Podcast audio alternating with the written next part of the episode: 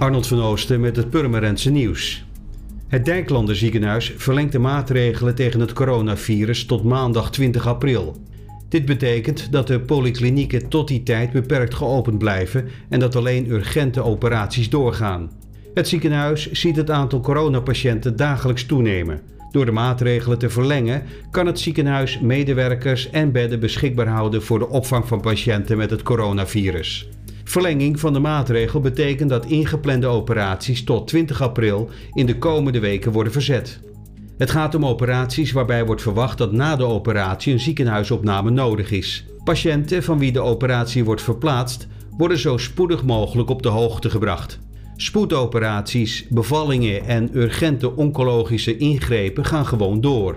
Ook de polyklinische activiteiten blijven tot 20 april beperkt. Dit betekent geen sluiting van de polyklinieken, maar waar mogelijk zullen consulenten met patiënten zoveel mogelijk telefonisch of via videoverbinding plaatsvinden.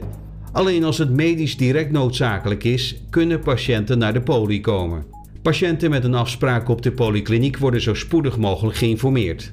Ook wordt er een beroep gedaan aan bezoekers en patiënten om niet naar het Dijklander ziekenhuis te komen als ze last hebben van hoest, griep en of verkoudheidsklachten. Verder blijven de aangepaste bezoekregels van kracht. Eén bezoeker per patiënt, maximaal 30 minuten per dag. Uitzondering hierop is bezoek voor opgenomen kinderen en voor terminale patiënten. De gemeente heeft de randvoorwaarden vastgesteld waar de nieuwe ondergrondse parkeergarage voor het stadhuis aan moet voldoen. Dat meldt de website aanbestedingsnieuws.nl. Belangrijke voorwaarden waar de bouwer aan moet voldoen voorkomen dat er schade ontstaat aan naastgelegen woningen.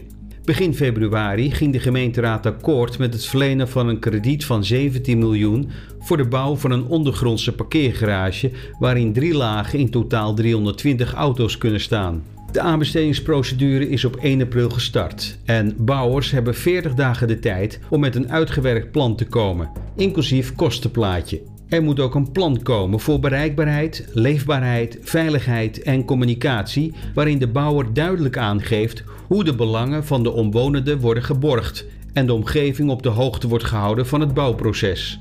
Behalve aandacht voor de zorgen van de omwonenden, moet de bouwer ook rekening houden met een hoge draagkracht van het dak, want er bovenop komt een pakket van minimaal een meter aarde waarin bomen worden geplant. Prettig en sociaal veilig parkeren is een andere voorwaarde.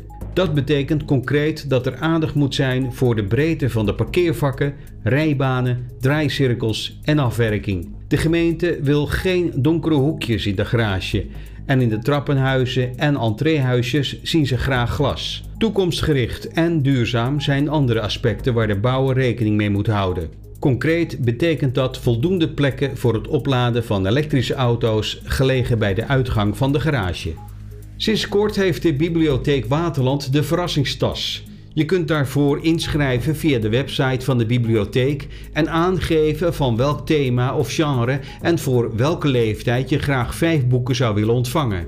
Vervolgens zoeken de medewerkers van de bibliotheek de boeken voor je uit. Wat je krijgt is een verrassing. De verrassingstassen worden door medewerkers van de bibliotheek op alfabet klaargezet in de afgeschermde hal van de bibliotheek aan de Waterlandlaan. Gedurende speciale tijden kan men de tas daarna zelf van de tafel afpakken. Er hoeft verder niets meer te worden geregistreerd. In het eerste weekend zijn er al 700 verrassingstassen bij de bibliotheek aangevraagd. Voor meer nieuws kijk of luister je natuurlijk naar RTV Purmerend. Volg je onze socials of ga je naar rtvpurmerend.nl.